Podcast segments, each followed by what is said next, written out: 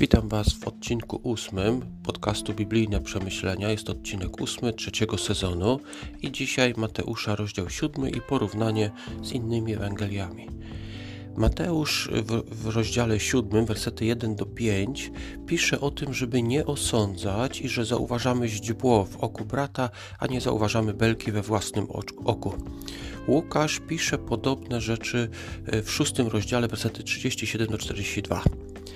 Kolejne wersety Mateusza, siódmy rozdział, wersety 7 do 11, pisze o tym, aby prosić Boga o dobre rzeczy oraz przykład rodzica, który da dziecku, którego prosi. Łukasz opisuje to w 11 rozdziale 9 do 13. I są tutaj takie drobne różnice. Na przykład Mateusz w siódmym rozdziale dziewiątym wersecie pisze o tym, że ojciec, którego dziecko prosi o chleb, nie da mu kamienia, a w siódmym rozdziale dziesiątym wersecie, gdy dziecko prosi o rybę, nie da mu węża. Z kolei Łukasz w 11 rozdziale 11 wersecie powtarza przykład o rybie i wężu, ale za to w 11 i 12 wersecie daje dodatkowy przykład, że żaden ojciec nie da dziecku skorpiona, gdy prosi go o jajko. Tak więc w obu, w obu tych Ewangeliach mamy dwa przykłady, tylko że są troszeczkę, jeden jest troszeczkę inny. Najbardziej znany werset to oczywiście Mateusza, 7 rozdział, werset 12. A więc wszystko, co byście chcieli, aby ludzie, ludzie czynili, to i wy im czyńcie. Taki bowiem jest zakon i prorocy. Podobną myśl Łukasz daje w szóstym rozdziale, wersecie 31, ale o wiele krótszą. A jak chcecie, aby ludzie wam czynili, czyńcie tak samo i wy. Y, później Mateusz, 7 rozdział, werset 13-14 mówi o ciasnej bramie i wąskiej drodze do życia oraz o szerokiej i przestronnej drodze. Y, fragment, 7 y, rozdział, wersety 15 do 20 mówią o tym, jak rozpoznać fałszywych proroków. Łukasz opisuje to w szóstym rozdziale, wersety 43 do 45. Obaj ewangeliści piszą, że można ich poznać, tych fałszywych proroków, po owocach. Chodzi tutaj o słowa. Mateusza 7:20 mówi tak: Tak więc po owocach poznacie ich.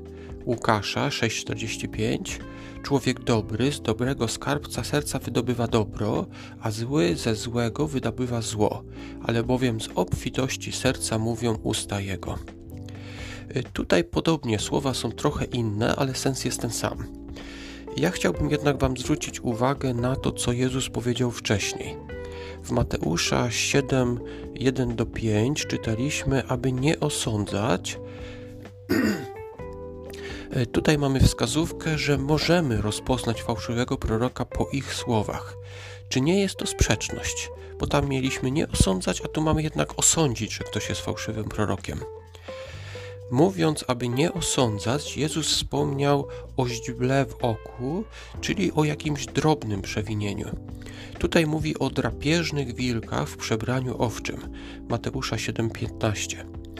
Końcówka Mateusza 7 Końcówka Mateusza 7 rozdziału i Łukasza 6 są dość podobne. Piszą o ludziach, którzy będą się do Jezusa zwracać Panie, Panie, ale nie będą czynić tego, czego nauczał. Później jest przykład o domu zbudowanym na piasku i domu zbudowanym na opoce, czyli na skale. I tutaj y, może też porównanie. Mateusza 7 rozdział 24-25 Każdy więc, kto słucha tych słów moich i wykonuje je, będzie przyrównany do męża mądrego, który zbudował dom swój na opoce. I spadł deszcz ulewny i wezbrały rzeki i powiały wiatry i uderzyły na ów dom, ale on nie urunął, gdyż był zbudowany na opoce. I teraz Łukasza 6:48 Podobny jest do człowieka budującego dom, który kopał i dokopał się głęboko i założył fundament na skale. A gdy przyszła powódź, uderzyły wody o ów dom, ale nie mogły go poruszyć, bo był dobrze zbudowany. Na dzisiaj to już wszystko. Ja chciałbym Was zapytać, co myślicie właśnie o kwestii tego, że najpierw Jezus mówi, żeby nie osądzać, a potem jednak mówi, żeby osądzać. Czy w tym fragmencie, żeby nie osądzać, chodziło tylko o drobne rzeczy, a ten drugi fragment, który mówi o tym, że ktoś może być, udawać tą owcę w przebraniu być wilkiem, a być w przebraniu owcy, że takie osoby mamy jednak osądzić? Napiszcie mi może w komentarzu, co myślicie na ten temat. Dziękuję Wam za wysłuchanie i do usłyszenia niedługo.